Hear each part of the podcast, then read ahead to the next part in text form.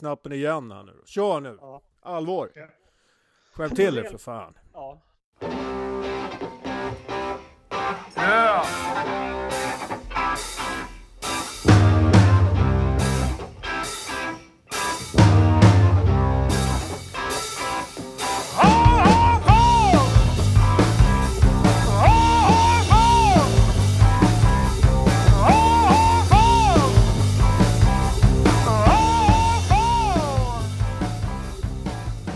Välkomna till Forza Motorsport och avsnitt nummer nio. Eh, ett avsnitt som jag har försökt starta nu i två timmar och det har inte gått bra någon enda gång.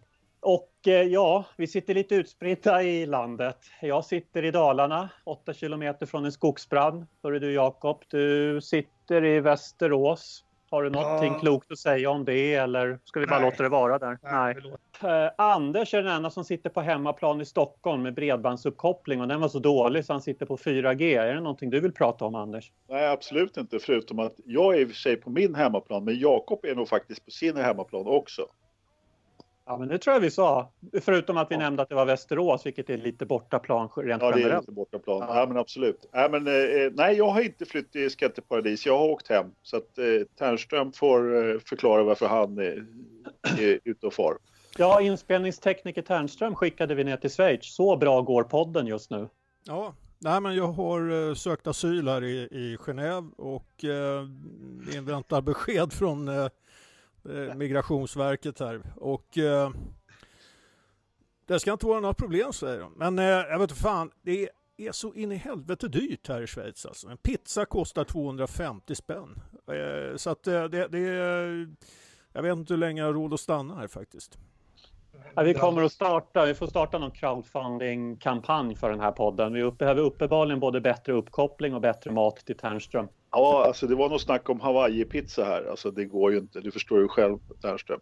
Nej, nej men det, det, det är faktiskt så. Eh, Det är eh, helt otroligt dyrt är i Schweiz och eh, hade, vi inte en, hade jag inte en svåger som bodde där så skulle jag inte åka hit. Så mycket kan jag ju säga.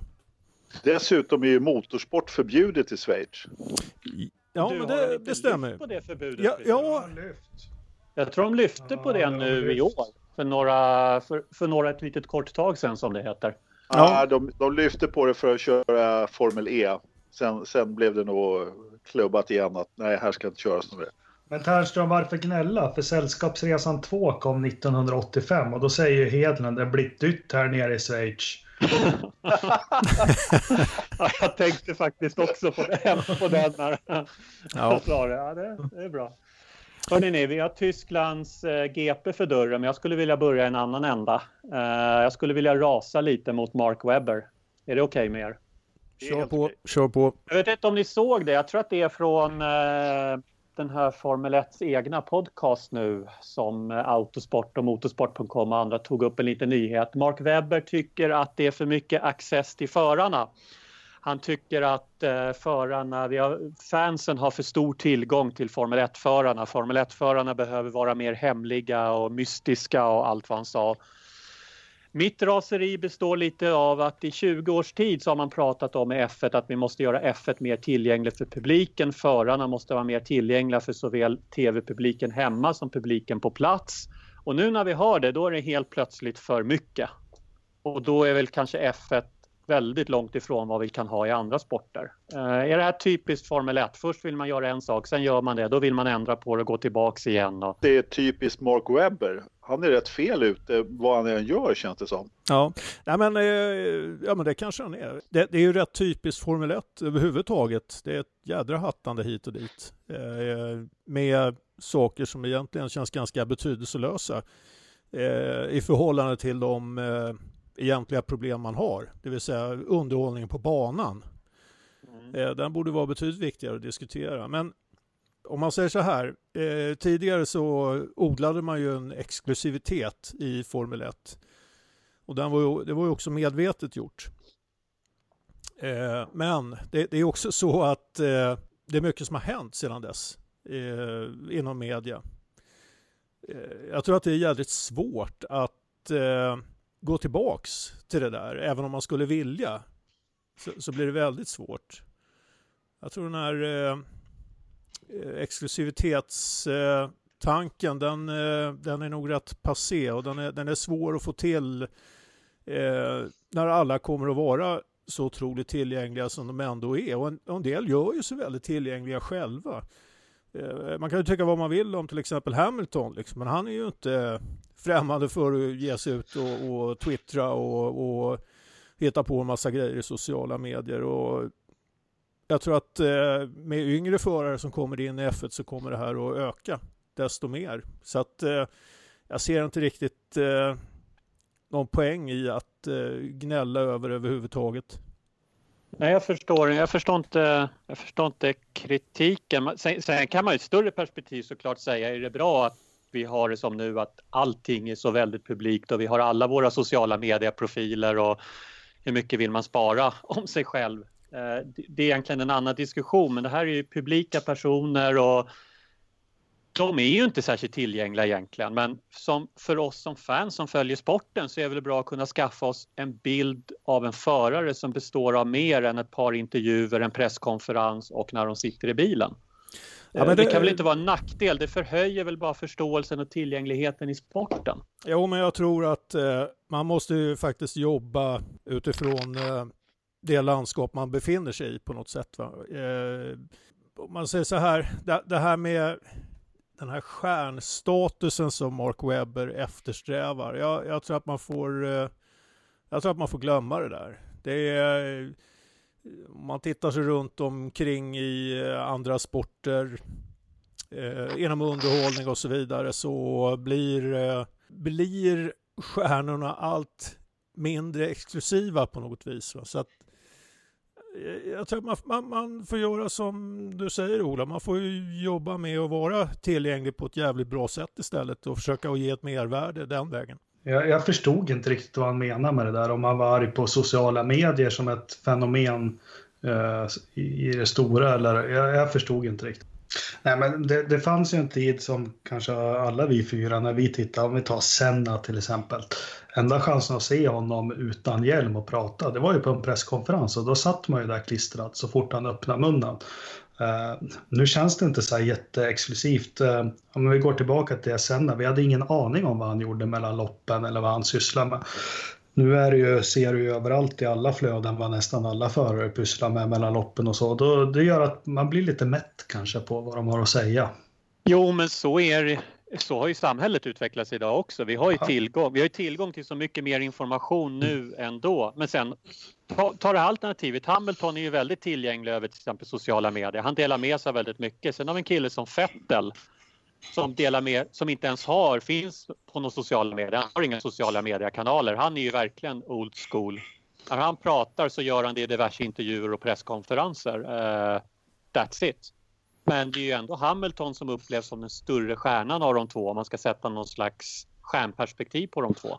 Ja. Så även där är ju den som delar med sig av mer är ju ändå den som upplevs som mer stjärna. Ja men absolut. Det är ju, det är ju inte så att eh, man upplever Vettel som en större stjärna för att han gör sig mindre tillgänglig. Va? Så att, mm. ja, jag vet inte. Jag tycker Webbers eh, kritik är, känns rätt, eh, ja vad ska man säga, det, det, det, det är inte så mycket att snacka om. Men förutom det så var det en otroligt intressant podd med Webber som jag uppmanar alla att lyssna på. Uh, förutom den här dikeskörningen med sociala medier så sa han mycket annat spännande. Absolut. Vad säger du Anders?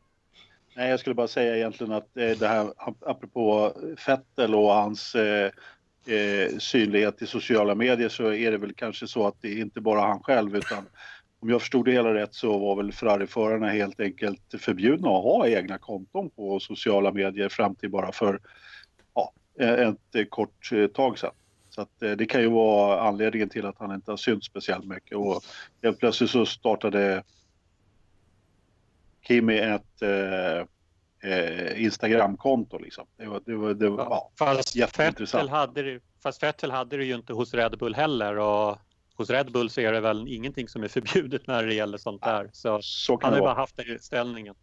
Ja, den, den enda jag följer är Kimmy. Jag tycker hans Instagram är underbart. Han bygger ett lock till sandlådan till sina ungar så att nu är det slutkissat i sandlådan. Ja, men jag tycker det är fantastiskt jämfört med, med Hamiltons. Ja, men den var bra. Det, Ja. det var i alla fall inte en gymbild. Nej. Nåväl, vi lämnar det. Tysklands GP. Vi tar oss an det. Jag har rasat klart mot Webber så jag känner mig att jag är nöjd. Eh, vad, vad känner vi inför det? Vad tror vi om helgen? Vad, vad tycker du Ternström? Ja, jag vet inte. Jag tycker eh, det finns inte så mycket att spekulera i på något vis. Det känns som att eh, det ena racet är det andra likt. Numer, det, vi har eh, division 1 och eh, sen, har vi, eh, sen har vi resten. Det som är lite intressant kan väl jag tycka är eh, att se hur Red Bull kommer att, klara sig den här eh, helgen. Jag tycker de har haft lite av en vikande trend under eh, de sista racen på något sätt. De, de har i och för sig under den här trippelheadern som det heter så tog de ju rätt gott om poäng. Va? Men, men det var lite de kapitaliserade lite grann på eh, ja, exempelvis Mercedes eh, oflyt och, och lite sådana här grejer. Så att, eh, jag, jag tror att eh, poängskörden reflekterar inte riktigt deras speed. Och det ska bli lite intressant att se hur, eh, hur det kommer att se ut den här helgen. Jag har förstått att eh, eh, det kommer nya uppdateringar här till eh, Ricciardo i alla fall. Det kanske kommer till båda förarna, men Ricciardo kommer att få, förmodligen få starta sist då om de eh, trycker in de här uppdateringarna i hans bil då, från Renault. Ja, han har väl tagit någon motorstraff nu va? så han kommer, han kommer ta motorbestraffningar också Precis. eh, i den här helgen. Men är det inte så att Red Bulls form har varit lite upp och ner? Jag tror vi var inne på det förra avsnittet också att eh, de är ju känsliga för motorbanor. Alltså Red Bulls form är väl, är, är väl alltid ganska stadigt uppåtgående skulle jag säga som liksom en, en svag kurva. Renaults form däremot är ju lite mer som en eh, berg och dalbana med eh, både det ena och det andra. Och jag lite svårt att få kläm på deras form. Om jag ska vara helt ärlig, jag vet inte. Menar du Renault som team eller Renault som motorleverantör? är Renault som motorleverantör nu till, eh, till Red Bull eftersom det är mycket där. Men visst, Mm. eh, nu, nu är det ju en bana som kanske inte kräver lika, lika mycket motorkraft och, och Silverstone var ju, var de ju borta från början om man säger så då. Men eh, jag vet inte. Nej, vad tror vi? Jag såg att Horner gick väl ut idag och sa att eh, hade de haft Honda i år så hade de vunnit lika många race som de har vunnit i år med Renault. Det vill säga han ser att de ligger på ungefär samma nivå idag, Renault och Honda. Det var väl eh, i och för sig en typisk eh, Horner-kommentar om Ja. eh, att vara... ja, han måste väl snacka upp Honda lite grann också naturligtvis. Så att, eh, ja. Eh, inom en snar framtid så kommer det bli läge att snacka ner Honda också för eh, Horner tror jag. Eh, det finns en annan grej där som är lite intressant då med, med tanke på just Red Bull och, eh, och Honda tycker jag. Och det är ju att eh, man, man låter ju Toro Rosso vara lite av eh, någon sorts testbänk här nu då. det har ju funnits eh, uppgifter här om att eh, Honda nu ska liksom släppa på, eh, jag vet inte, är det någon som har sett någon offi- officiell uppgift på det här? Att eh. Honda är ett liksom testbänk åt eh, Red Bull. Ja, men jag tror det är taget från våran podd avsnitt 5 för då sa vi faktiskt det att det här är ju kanon, nu får de testa hela året med Toro Rosso. Nej men vi, vi sa ju faktiskt det. Ja, ja, det, ja men det gjorde vi. Det, alltså, på något det, sätt så är det det är ju den ju logiska liksom, tanken. ja, precis. Det är ju ganska logiskt att det blir så, men jag kan ju inte påstå att jag har sett något, eh, någon nyhet om det. Så. Nej, jag har sett jag har sett en nyhet och det tror jag, det var återigen vår vän Horner. Han har varit ute och pratat mycket den här veckan som sa att det var väl egentligen inte riktigt så det förhöll sig. De har ingen anledning att offra Toro Rosso för massa tester och experiment nu. Han har Eh. dementerat, alltså är det sant. Ja, lite, ja precis. Enligt Ja. vanligt Hellström-logik så är det, finns det en dementi så är det sant. Eh, Nej, men nej, det, vi får väl, det, det, är det vore ju väldigt konstigt om man liksom inte utnyttjade tillfället.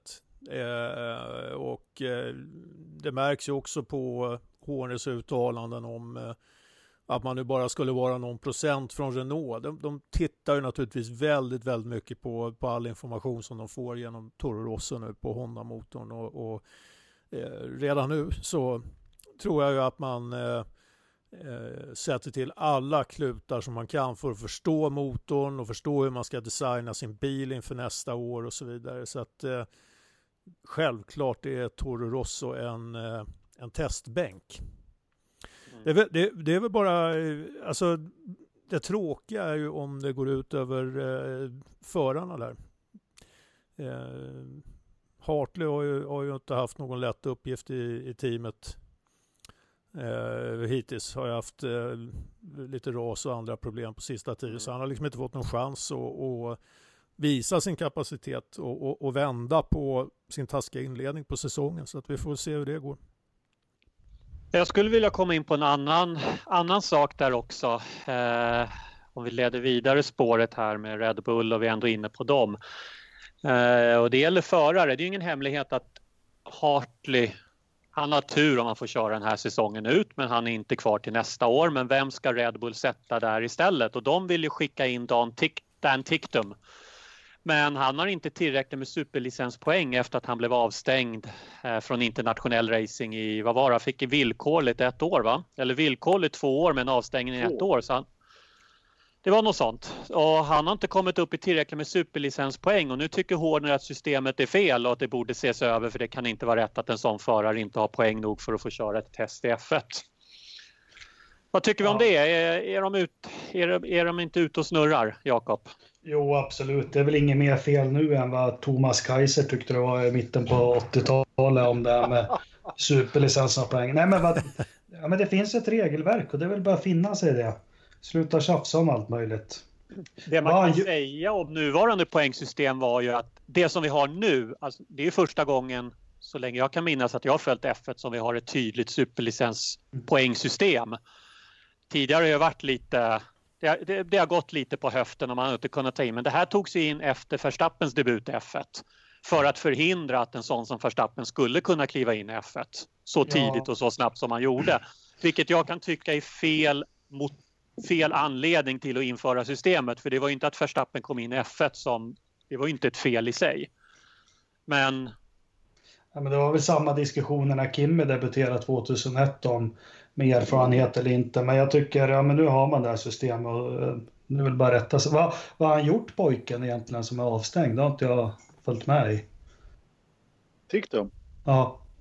Nej, jag har faktiskt inte heller koll på det. Eh, annat än att han betedde sig jävligt illa. Var, han gjorde någon Maldonado-grej. Ja, han körde, på en, han körde på en förare under säkerhetsbilperiod. Han körde ikapp fältet, förbi fältet och körde på en förare som han ansåg hade knuffat av honom under säkerhetsbilperiod. Så att, mm. eh, inte riktigt en Ferrucci, men inte långt ifrån. En Fettel? samtidigt, samtidigt så har ju Dan Tictum då gjort avbön och sagt att han lärt sig av det här och så vidare och jada jada liksom. Men ja, jag kan också hålla med om att eh, har man ett system med med superlicenspoäng så ska man ju hålla sig till det. Sen om systemet är fel eller inte, ja, svårt att säga någonting om eftersom det är ganska nytt kan jag tycka. Men eh, visst, för Red Bull så, precis som du säger, så är det ju liksom, ja, vi får väl hitta någon annan förare då. Men är det inte lite intressant att Red Bull som har dammsugit marknaden och har haft enormt mycket ungdomar och kunnat välja vilka som ska in i de olika serierna nu helt plötsligt står inför situationer de inte riktigt har någon i de egna leden att ersätta Hartley som har varit en förare de har skickat ut ur programmet en gång. Ja men så, det, det, så är det ju och eh, de har väl missat lite grann där. Sen är det ju så här att de, de har ju tagit fram väldigt många förare i sitt program. Men de är också jävligt snabba på att kasta ut dem. Kan jag mm. tycka. Eh, Kviat till exempel. Jag menar, fasen eh, eh, så jädra kass var inte han. Eh, han gjorde ju resultat i, i början. Sen eh, har vi en annan förare då som nyss vann eh, Formel E, Jean-Erik Verne. Mm. Som de kastade ut till förmån för Kviat. Ja. Vilket och, också var helt tokigt. Ja, alltså jag känner att de förbrukar förare på ett sätt i sitt program som inte känns helt sunt. Eh, förare som faktiskt eh, är fullt kapabla att eh, vara med och, och, köra Formel 1. Kanske inte nödvändigtvis eh, sitta i en Red Bull och vara en världsmästarkandidat. Men eh, definitivt eh, i kaliber att tillhöra mittfältet av F1. Mm. Ja, men jag håller med till 100 procent. Alltså, jag tror att det har förbrukats en annan Formel 1-förare inom citat som, som skulle kunna ha gjort bra ifrån sig, bland annat Wern. Jag vet inte med och, ja, men det finns några där som definitivt var värda en längre karriär i Formel 1 än vad de egentligen fick. Håller med helt och hållet. Eh, sen är väl kanske inte ryssen där en sån, skulle jag säga, men ändå.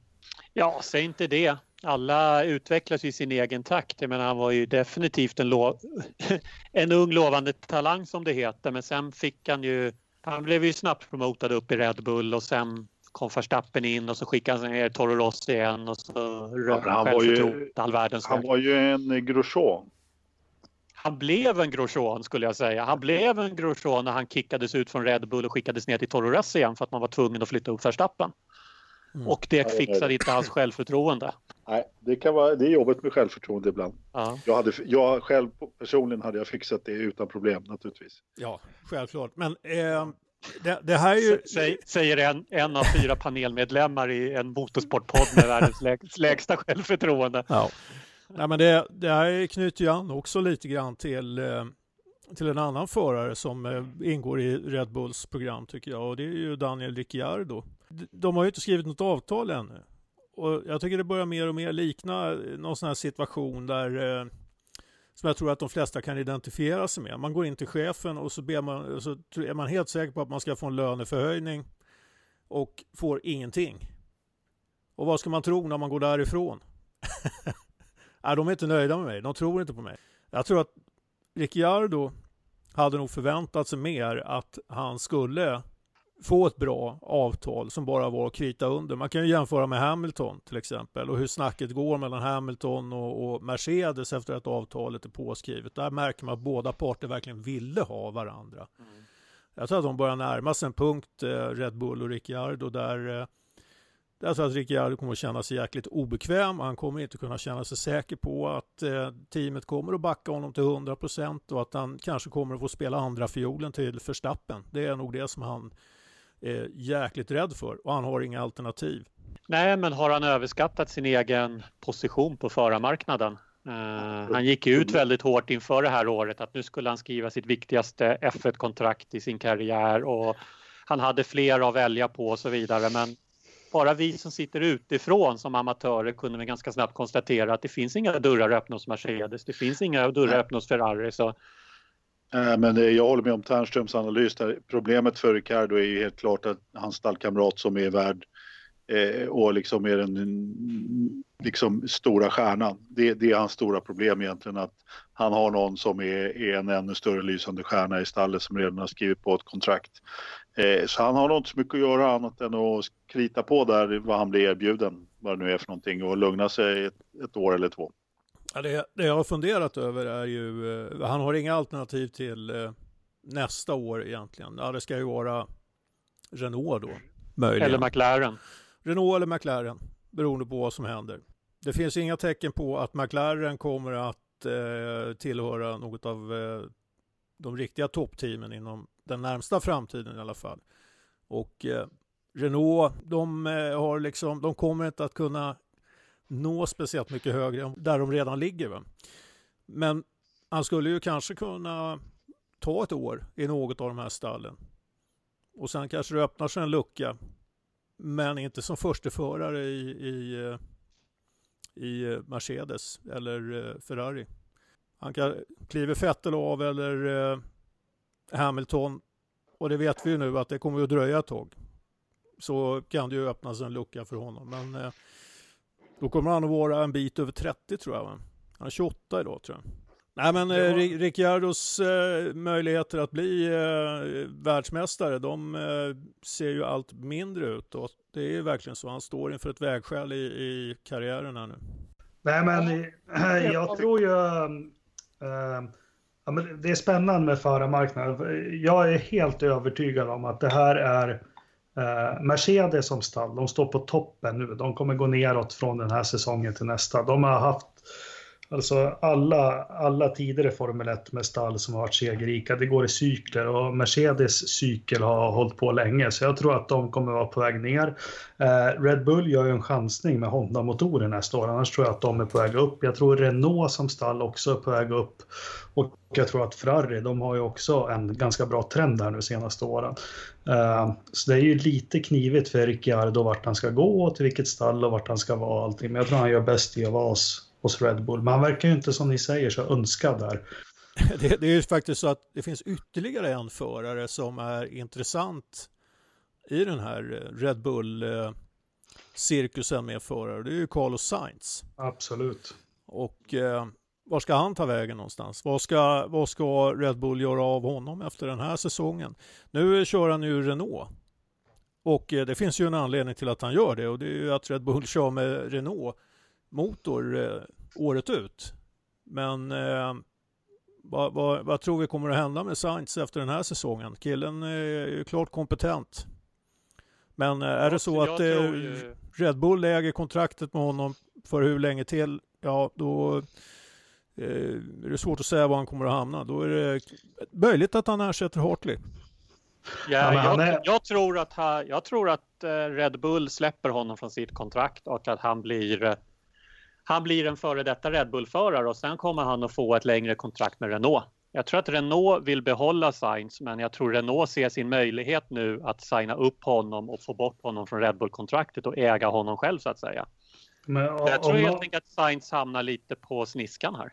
Men om någon kan se nyktert på den situationen, för han fick ju när han körde med Verstappen i Toro Rosso, han fick ju inte stryk direkt Sainz. Uh, så jag tycker han går lite under radarn. Jag, jag tror jättemycket på honom och har gjort hela tiden. Uh, men jag tror han är en liten bricka i spel här med Ricciardo också, för det är klart Red Bull säger ja men kör inte för oss, vi kan plocka in Sainz. Jag tror ju att Ricciardo kommer att få. Jag tror att Red Bull är väl smarta nu. De ser väl sitt förhandlingsläge med Ricciardo men jag tror att de fortfarande vill behålla Ricciardo. Han och Verstappen funkar bra ihop och Ricciardo är ju en toppförare. Han är ju duktig.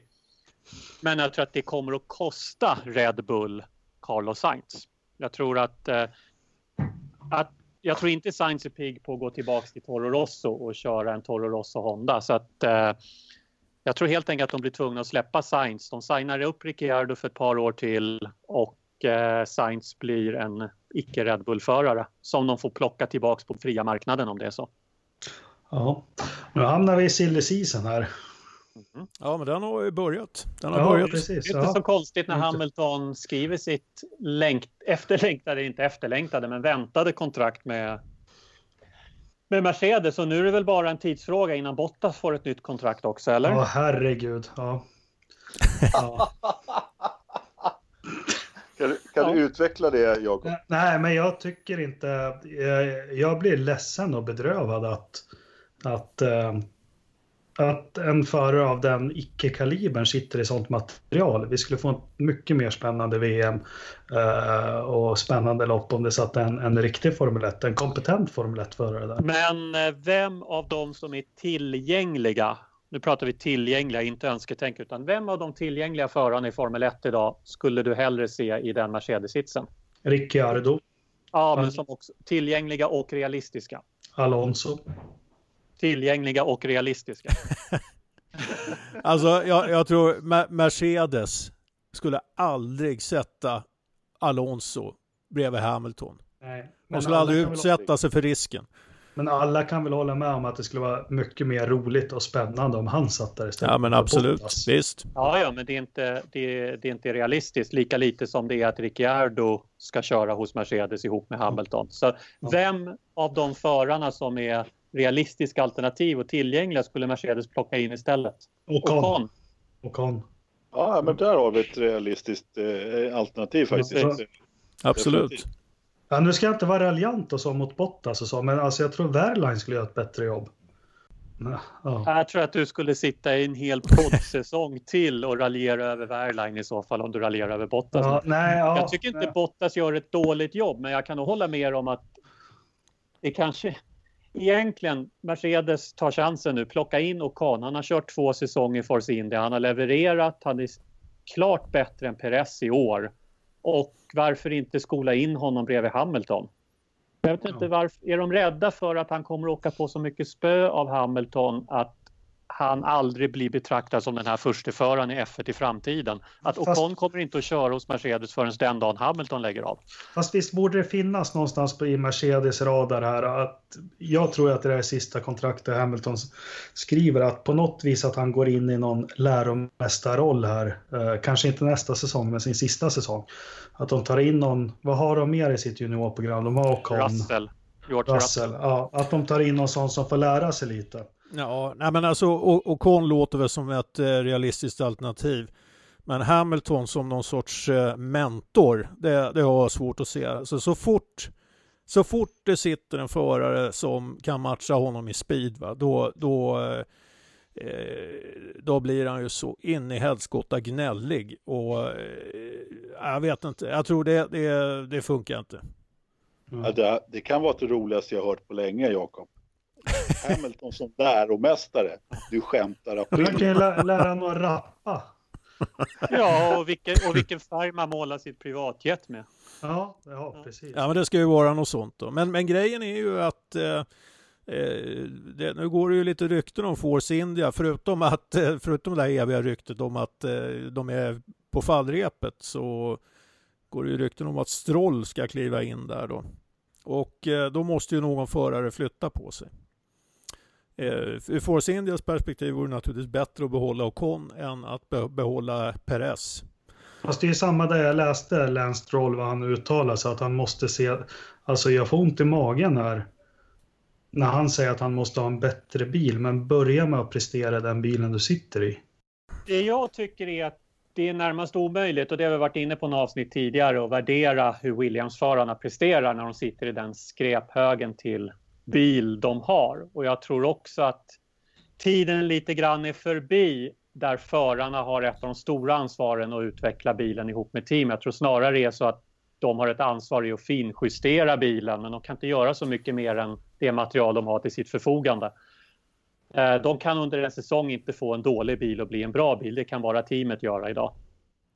Jag skulle vilja säga så här också. Jag tror att vi svenskar är lite färgade i vår bedömning av Stroll eftersom Felix Rosenqvist eh, eh, ju faktiskt eh, slog honom rätt rejält och eh, dessutom var inte Strål eh, eh, var väl inte sådär jättemogen eh, när han körde F3 heller.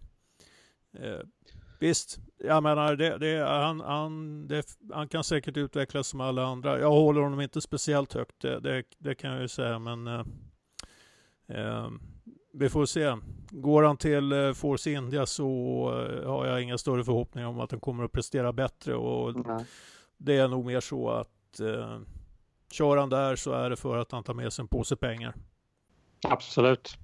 Och allt det här bara för att Hamilton skriver ett nytt tvåårskontrakt och Dan Ticktum inte får testa för Red Bull. Precis. Mm. Och så tittar vi lite på Tysklands GP istället och eh, nygamla Hockenheim som de har kört på sedan 2002. Eh, är vi gamla bittra gubbar som saknar tiden när det var bättre förr om vi tycker att Hockenheim Ring med sina långa raker ut i skogen var bättre. Vad säger du Jakob? Ja men absolut, vilka race vi har haft. Och, och Så du tycker och... att vi är gamla bittra gubbar? Nej, nej, nej, nej. Absolut inte. Det är vi som är framtiden. Nej, men vilka race vi har haft på den där gamla slingan när den var. Herregud, nu ska vi inte prata för mycket historia för det, jag blir ju hackad mycket på att jag går. Men 80-talet, Lillövis går på mål i tre hjul, kommer tvåa. McLaren 87. Eh, vilka fighter vi hade mellan Senna och Berger. Eh, Damon Hill stressar sönder eh, Bergers motor 96. Två varv kvar. Berger vinner 97. Eh, vart fantastiska race på Hockenheim och det vart ju, det vart ju ganska speciella race på den där banan tycker jag. Får jag ha en annan åsikt där Jakob? Jag vet inte om racen var bättre på gamla banan. Jag tycker nya banan har bjudit på bra race på banan men det jag saknar med gamla banan är att det är en bana som har karaktär som man saknar till exempel på nya Hockenheim Ring som fantastisk bana som bjuder på bra race men det är den här lite speciella karaktären som gamla Hockenheim hade med långa raksträckor ut i skogen, bilar som var nedtrimmade för hög toppfart mm. och hopplös att köra i stadion. Lite samma sak som gamla Monza, eller Monza, Spa, Suzuka. Ja, Jakob. Ja, men jag, jag håller med.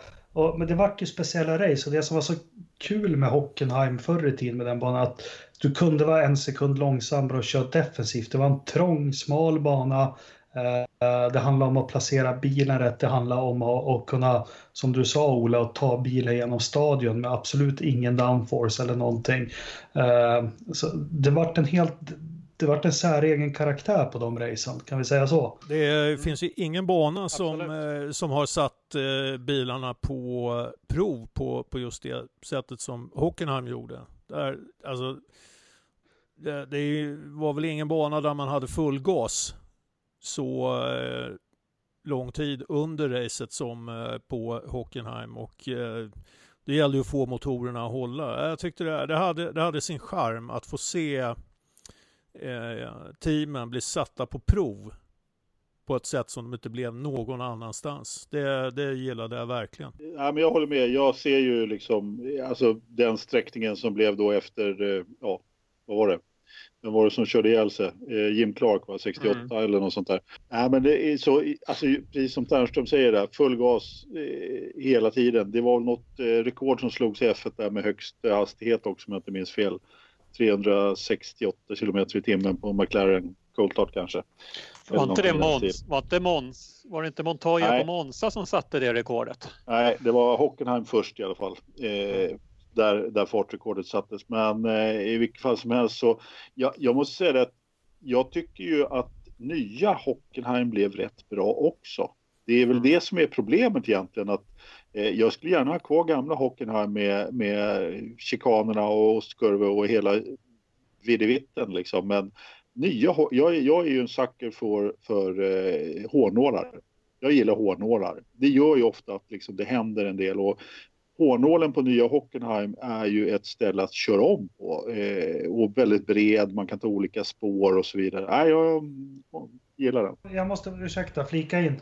Det var väl efter Depalier körde ihjäl sig på test 1980 som de började bygga in chikaner va? Jag tror att den är ombyggd i flera olika, eh, olika perioder. Eh, jag vet att det var efter eh, Jim Clark körde ihjäl sig som man byggde om på ett sätt. Sen, sen har man nog byggt om den ett flertal olika gånger efter det också och lagt till chikaner. Om vi tittar bort från banan då, tittar lite närmare fram till, eh, till helgen. Um, så vad har vi att säga? Marcus Eriksson ska inte köra fria träningen 1. Giovinazzi ska köra istället. Det konstiga med det är väl inte att Marcus Eriksson får stå över en fri träning, vilket var planerat sedan tidigare, utan det konstiga är väl hur länge ska Ferrari fortsätta hålla på och ha förtroende för Giovinazzi? Han har väl gjort en del blandade insatser i sina inhopp för Haas och Saber hittills. Nej, men det, han känns ju inte som eh, något nytt hopp direkt. Men jag vet inte varför, eh, ja, det är klart de, de, eh, de vill väl testa honom va? Så, så är det väl. För oss som tittar på här med intresse i Marcus Eriksson så blir det ju ändå ett intressant test att se. För vi vet ju hur Marcus och Giovinazzi har, har stått sig mot varandra tidigare. Så att eh, det kan bli en intressant värdemätare. Det som är eh, synd är ju att Marcus är ju den som verkligen behöver så mycket körtid som det någonsin är möjligt för att eh, liksom hitta tillbaka och, och, och, knappa in lite grann på Leclercs eh, fantastiska framfart. Nej, äh, men vad fan. Vad är en FB1 egentligen på Hockenheim? Jag vet inte. Jag tror, jag, jag tror dessutom att det var så att det var Marcus själv som valde den. Mm. Eh, avstå just FB1 på Hockenheim. Därför att han tyckte att det var den som liksom gjorde honom minst eh, skada så att säga. Så. Ja men absolut, så, så kan det ju vara. Och, och jag, jag menar eh, Självklart så väljer han ju inte Kanada i så fall. Som är en bana där man verkligen behöver eh, liksom trimma marginalerna.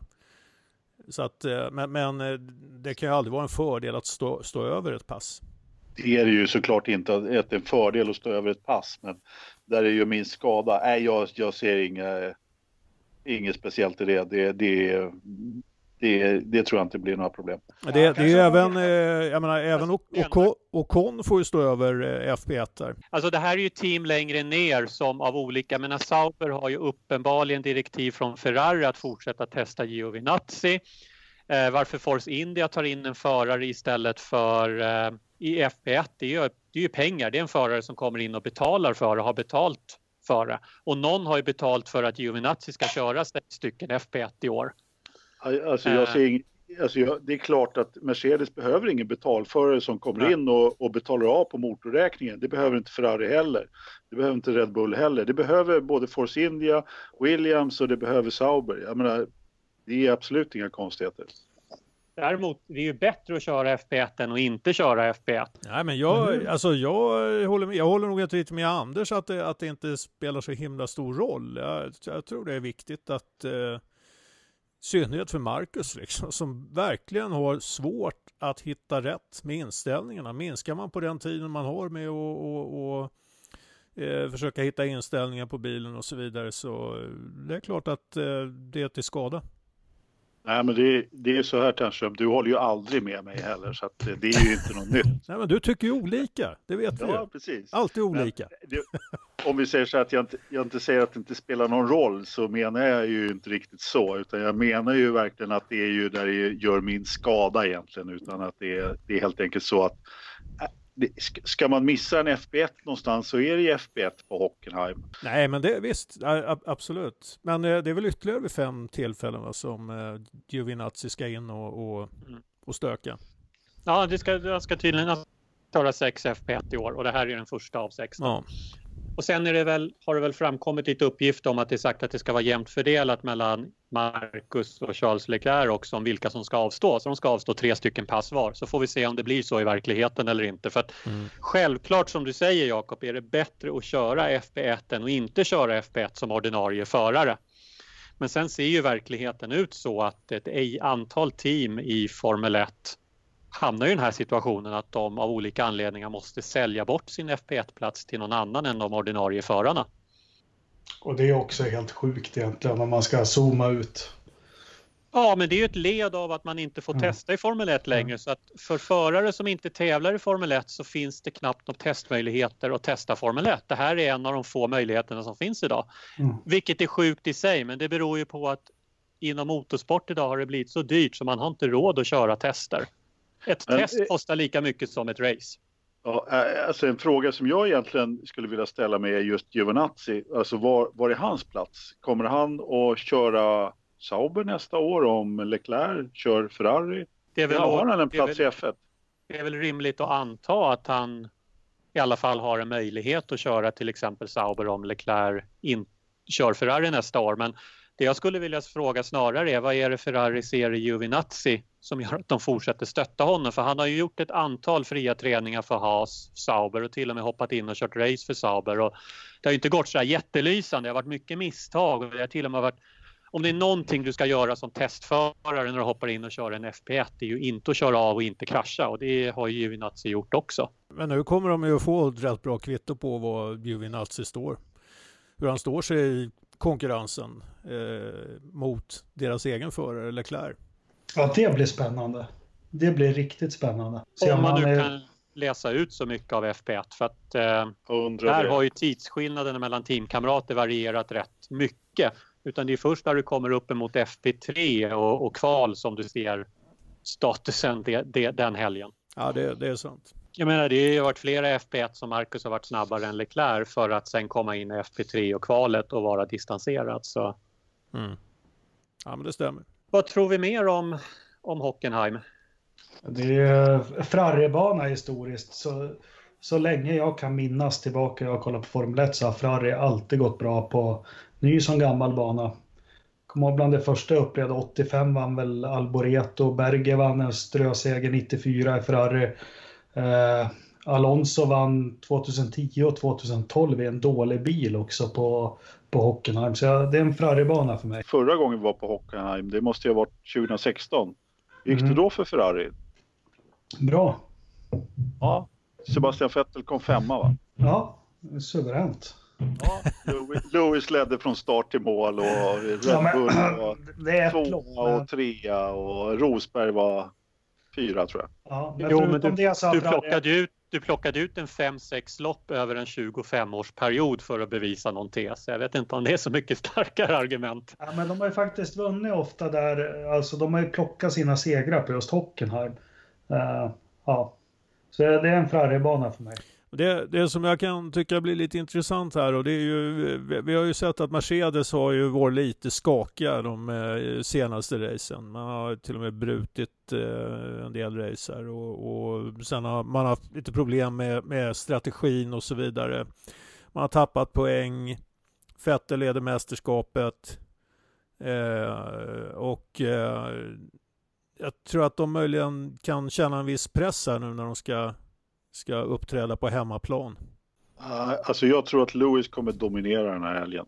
Med sitt nya kontrakt i fickan så kommer han att, eh, han kommer att vinna. Solklart. Men det är bara en känsla och jag brukar ha fel mm. när jag tippar. Men eh, det är vad jag tror. Ja, jag, tror jag tror det också. Han vill sätta i den mån han vill och kan sätta Vettel på plats för att Vettel vann på hemmaplan i England så vill han dominera i Tyskland. Bara som en extra liten krydda utöver nytt kontrakt och ta tillbaks täten i VM och så vidare. Och sen Bottas tvåa då. Eh, nytt, kontrakt, nytt, nytt, kontrakt som presenteras efter FP2 imorgon. Det, vad tror ni, ett eller två år? Ja, jag vet inte riktigt men eh, jag, jag, jag, säger två bara för att få Jakob att sucka ännu djupare där borta. Jag säger också två.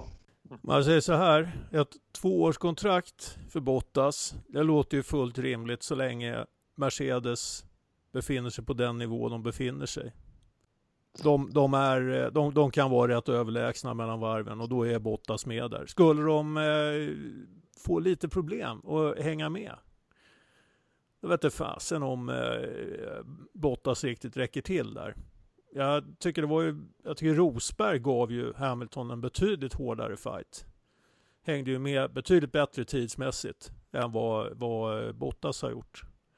Så att, äh, jag vet inte. Det är, ingen, ja, men, det, det, det, är ingen spännande framtid vi går till mötes med tvåårskontrakt för Bottas. Men det är bra att du säger det Ternström, för um, Rosberg, jag personligen räknar inte honom som en av historiens bästa förare, men han har ett VM. Men han matchar faktiskt Hamilton 2014. Eh, 15, ja sådär, och han slog han 2016. Och vi ser ju inte ens att Bottas är i närheten av det. Nej. Som det är idag. Ja. Nej. Fast de har en historia där, finländska förare, Kovalainen, Bottas, eh, Räikkönen. Ja men det är bra två år.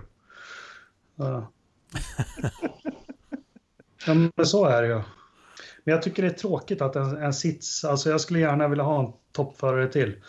Men det, kommer all, det händer aldrig i Formel 1. Nej. Det finns inget team som sätter två toppförare i samma team. För det, det, det, är ett garanterat sätt att inte vinna VM på och det är det du behöver göra. För det blir, det är bara att se vad Mercedes har sagt. Även om du inte rankar Rosberg som en toppförare, det kanske jag inte heller gör, så bara höra hur Mercedes pratar om hur skön tiden är i teamet efter att Rosberg inte kör där. För det fanns en spänning i teamet som var negativ, inte positiv. Alltså jag, jag, vet inte om jag håller med om att den var negativ egentligen. Jag tror att det sporrade och liksom gjorde att Mercedes blev bättre hela tiden.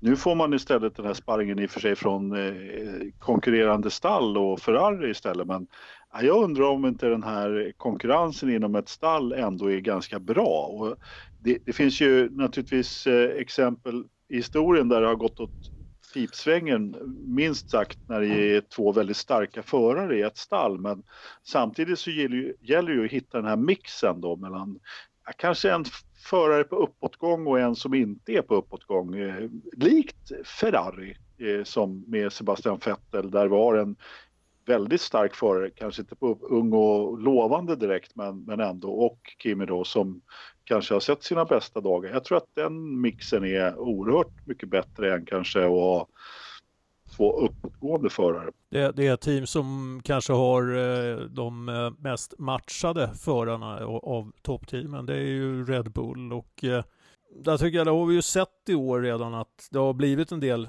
friktion.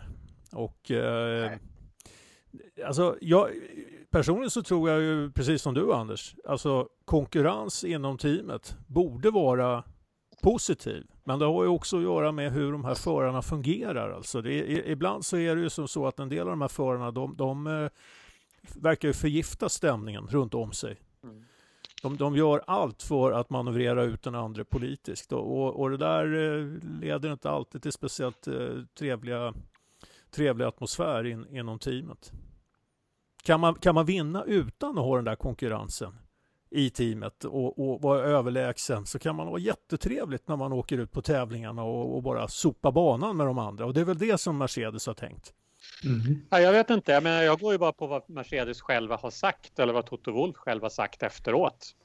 Du ska att, inte lita på vad Toto säger. Nej, det, det är en väldigt bra läxa för livet egentligen. Man ska, man ska aldrig lita på eh, någon som heter Toto. nej, eh, jag vet, det, det är en viktig läxa. Men, men vad, vad, vad han än heter i efternamn. Så tror jag ändå att eh, jag, jag, tror att vi inte kommer att få se det här att ett Mercedes-team till exempel plockar upp en Alonso oavsett vad det finns för historia mellan Alonso och Mercedes som inte är alltför glimrande. Eh, så tror jag inte att det, det finns inget team som är beredd att göra det. Du vill ha en riktigt bra förare och så vill du ha en förare som bidrar till att teamet utvecklas framåt och sätter press på den första föraren om man säger så. Men det är framförallt viktigast att det är en harmoni i teamet. Det, det, det här är, nu, nu blir det sånt där litet hopp igen alltså, för att eh, i vår podd där så har vi ju alla uttryckt en viss eh, förbläss för en eh, viss herr Kevin Magnussen. Och jag undrar om inte lite hans personlighet kan eh, bli en belastning för honom att få en plats i något av de här toppteamen. För han kommer inte få en plats som försteförare som, som en, en, en världsmästarkandidat i något av de här teamen. Det, det kommer ju inte hända. Däremot som en andreförare. Men han är ju jävligt vass i kanten den killen kan man ju säga. Absolut. Men han är ju inte vass mot sin teamkamrat. Han är bara vass mot alla som råkar vara i närheten av honom hela tiden. Hulkenberg. Och hålla sig borta från honom på banan bara. Ja, fast vad fan, jag har väl varit på Ströge eller på Istegard eller något. Det är väl en typisk, de är ju ganska vassa, danskarna. Magnusen och hans framtid, alltså den, jag måste säga att jag tycker att den är, är rätt dunkel ändå. Jag vet inte, jag hoppas att eh, Haas eh, fortsätter att utvecklas bra eh, så, så, som stall. Men det vore roligt om eh, Magnusen eh, kunde kliva ett hack upp till på, på listan. Det vore det definitivt. Sen, sen tror inte jag heller att han kommer att köra för varken Mercedes eh, Red Bull eller Ferrari. Nej, det, det, alltså egentligen så är ju problemet att eh, de här tre toppteamen är så pass etablerade att det är svårt att se något annat team som skulle kunna segla upp som en, eh, en konkurrent. Eh, och, men ja. det, det, skulle ju vara med ett sånt team som han skulle kunna komma upp, liksom, som är, också är på väg upp. Va? Är det därför som Hulkenberg är så bitter? För att eh, Renault inte riktigt har visat de takterna än. Jag vet inte, jag har ju också trott på Renault långsiktigt ja, verkligen. Jag, jag är ingen, om jag säger så här, jag är inte speciellt förtjust i Hulkenberg, eh, alltså vid sidan av banan. Jag tycker han verkar vara en rätt arrogant typ sådär. Men eh, som förare, resultatmässigt, så eh, måste man ändå säga att han tillhör eh, en av de bättre i startfältet. Verkligen. Så eh, jag, jag, kan tycka att han har en viss anledning att vara bitter. Han, Nej, han, han hade inte gjort bort sig eh, i Mercedes. Ger en av de bättre i startfältet. Absolut. Ja. Absolut. ja, ja. Han, han skulle slå Bottas. Ja, men det... Ja, ja, ja, ja. Hülkenberg, han var taskig mot vår Janne, det har jag svårt att förlåta. Men sen, ja, han tog en flaxpool där i Brasilien 2010. Men vad har han gjort efter det? Ja, jag tycker, han, jag tycker faktiskt han, han har inget problem att matcha sina teamkamrater och aldrig haft. Helt övertygad om att han skulle ha kapacitet och vara en jävligt mycket bättre andra förare i toppstall än vad exempelvis våra vänner Räikkönen och Bottas är. Ja men absolut, det råder det inget tvivel om. Det räcker väl bara att ha ett B-körkort för att vara bättre än dem. Ja, men, och då, då tillhör man ju faktiskt en av de bättre i startfältet. Det, ja. det finns inte så många förare i, i startfältet, det är 20 stycken. Hulkenberg leder ju BV. Ja, lite, bara det borde ju säga att han är en ganska hyfsad chaufför kan jag tycka. Nej, jag håller inte med Jakob överhuvudtaget. Jag har inga liksom, högre tankar om Hülkenberg heller, men han gör, i Renault så gör han det bra. Vi har gått igenom Tysklands GP, vi har gått igenom förarmarknaden och, och lite annat, så det börjar bli dags att runda av här. Um, Ska vi runda av med ett par lyssnarfrågor eh, innan vi tittar på väderprognosen? Vad säger ni om det? Absolut. Det låter bra nu. Tror, vi har ju en sjö frågor att välja på, men Thomas Skalberg har eh, skickat in två stycken som vi vill ha lite hyfsade snabba svar på. Eh, en fråga som jag själv faktiskt har reflekterat över. Varför körde man utan framving i början på 80-talet? Det var väl någon säsong eller ett par säsonger där, där Brabham och några andra körde utan framvinge. Är det någon som har något bra svar på den frågan? Den kan jag ta. Eh, uh, 1977 var det väl egentligen som Colin Chapman uppfann ihop med Tony Rudd i Lotus Ground Effect, det vill säga att marktrycket inte kommer från vingarna utan från golvet på bilen. Och det här accelererar ju ganska mycket 77, 78, 79, 80 och uh, vid 1980 och 1981 så hade man även såna här sliding skirts som täppte till utrymmet vid sidan av bilarna. Det hängde ner från sidepodsen. Då behövde man inte vingar längre lika mycket på, på bilarna faktiskt. Eh, vingarna genererar ju marktryck men de genererar även väldigt mycket luftmotstånd. Och eftersom man hade det här ground effect under bilen, att det mesta av marktrycket kom från underbilar. Jag tror det är väldigt mycket så Indycar jobbar idag, gjort historiskt också, att downforce kommer från underbilen. Så då behövde man inte ha framving och det fanns faktiskt vissa bilar som körde med en integrerad bakvinge. Jag vet att Lotus höll på att experimentera med det. Man hade väldigt små bakvingar också. Eh, till säsongen 81 eller 80 ja, 81, 82, 83 någon gång så förbjöds de här sliding skirts. Men inför säsongen 73 så, så förbjöds ground effect, det vill säga att man fick downforce via golvet på bilen. Eh, så det var ett krångligt svar på en enkel fråga. Uh, man behövde inte framvinga för att marktrycket kom från golvet på bilen. Men hade det inte blivit ännu bättre om man också hade haft framvingar? Jo, fast det tar ju väldigt mycket luftmotstånd. Och framvingarna störde ju liksom uh, luften, man ville ha in den under bilen.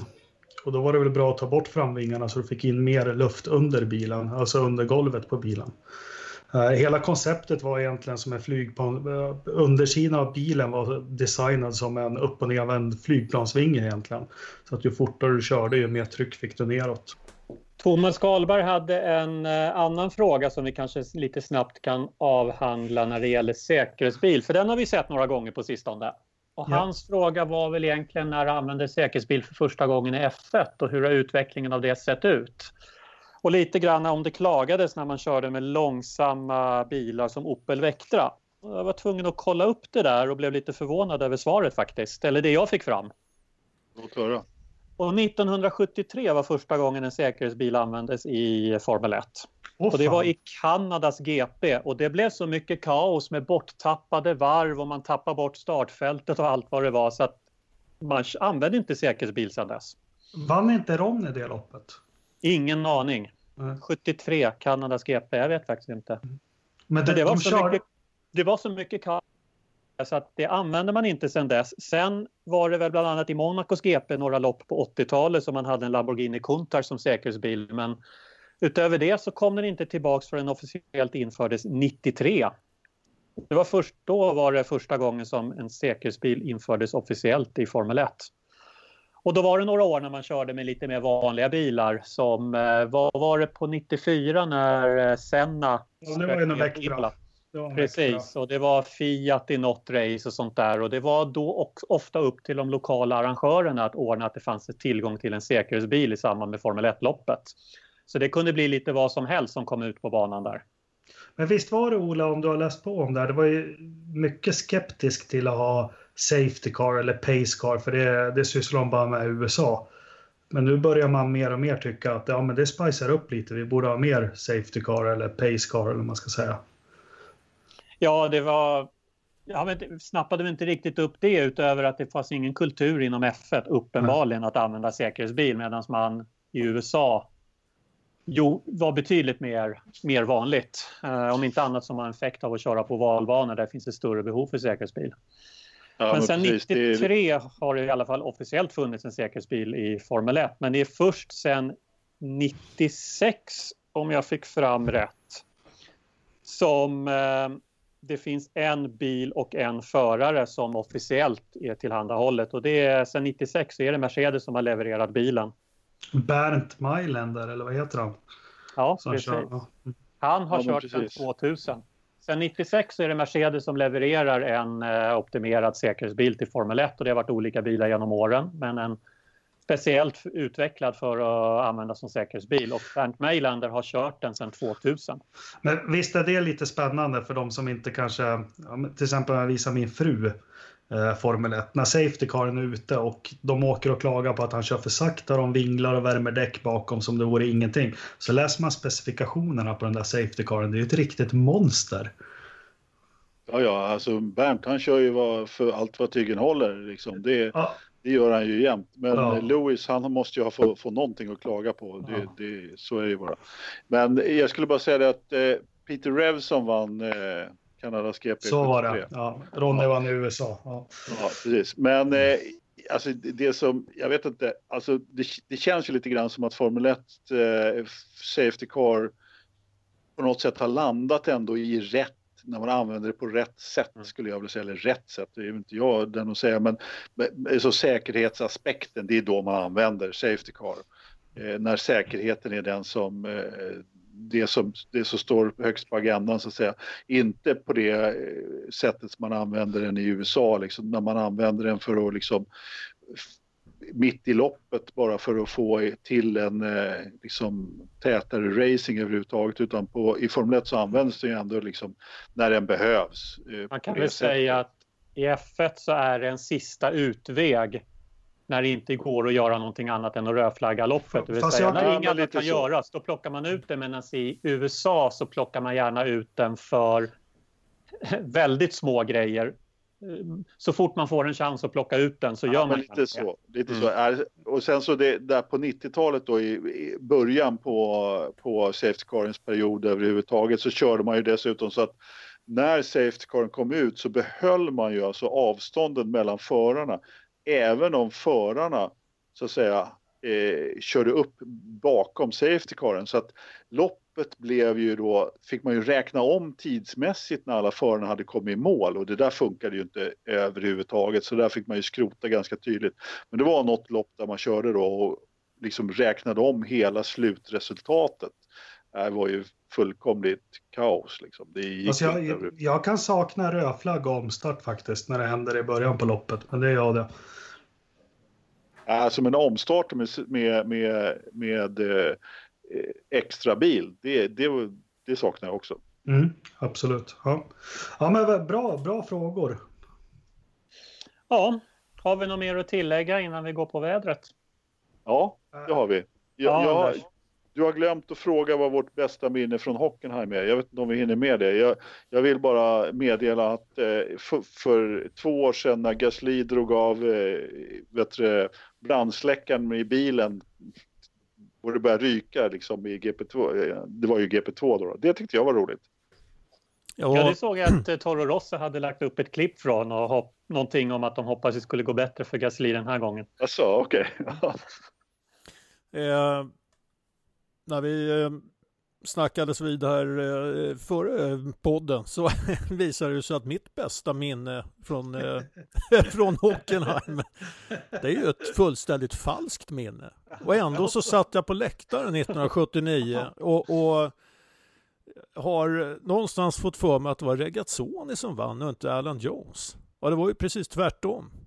Och sen vann Regazzoni i, i England racet efter då. Så att det, där, det kan inte jag riktigt använda som mitt bästa Men minne måste längre. Återigen, har inte England alltid legat före Tyskland i kalendern? Ja, nej, ja, Eller Västtyskland hette det väl då? ja, jo, nej men så var det. Men det var ju, det kom ju, för det där var ju, eh, det var väl eh, Williams, eh, var det Williams nej, första nej, seger? Nej, nej, första var på Silverstone 79. Ja, ja. Ja men du ser, det är, det det, är, det är ett helt, eh, det, det, det, var bara fria fantasier så det duger inte som mitt bästa minne. Mitt bästa minne är när Berger vann 97. Och han någonstans eh, hämtade motivation från att hans farsa hade väl dött då va? Eller om han låg för döden eller vad det han var. hade dött. Han Han, stått han, över han hade dött och då innan. kunde Berger gasa.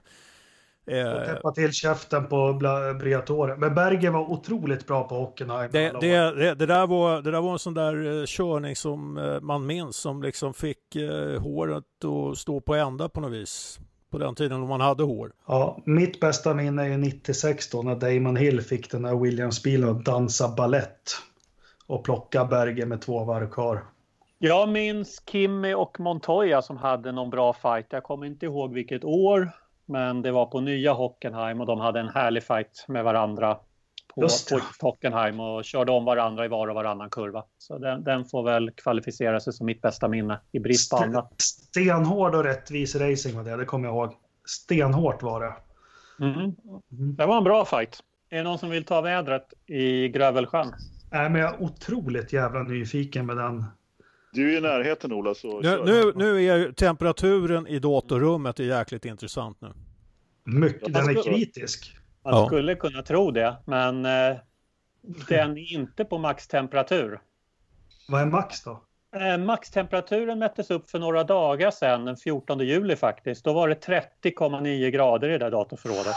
Uh. Men eh, ikväll så är den nere på 26,9 och idag har den inte varit över 27,4.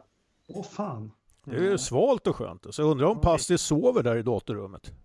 Det regnar i Grövelsjön. Ja. Det är 14 Nej. grader. Det är 14 grader ute. Eh, det har varit 24 som mest idag så att ja, nej. 14,4 grader ute. Jag ska åka dit. Ja, med. Mm. Jag kan säga att i Sälen så är det ingen regn och det är 19-20 mm, grader ute nu ungefär, vad jag kan se. Du, eh, Ola, mm. du, du, du, som har koll på det här med skogsbränderna. Alltså, är vår väderstation i fara? Den Eller ligger, ligger, ligger den ovanför trädgränsen till och med? Jag vet, det, det, det kanske är någon, lyssna, någon lyssnare som kan ta reda på det åt oss. Ligger väderstationen ovanför trädgränsen? Vad jag vet så ligger Idreområdet utanför eh, den omedelbara brandskogsfaran. Jaha. Jag tror att den är insatt i ett väldigt bra säkerhetsskåp. Ja. Det är bra Past, grejer. Pastis vore inte pastis om man inte gjorde det.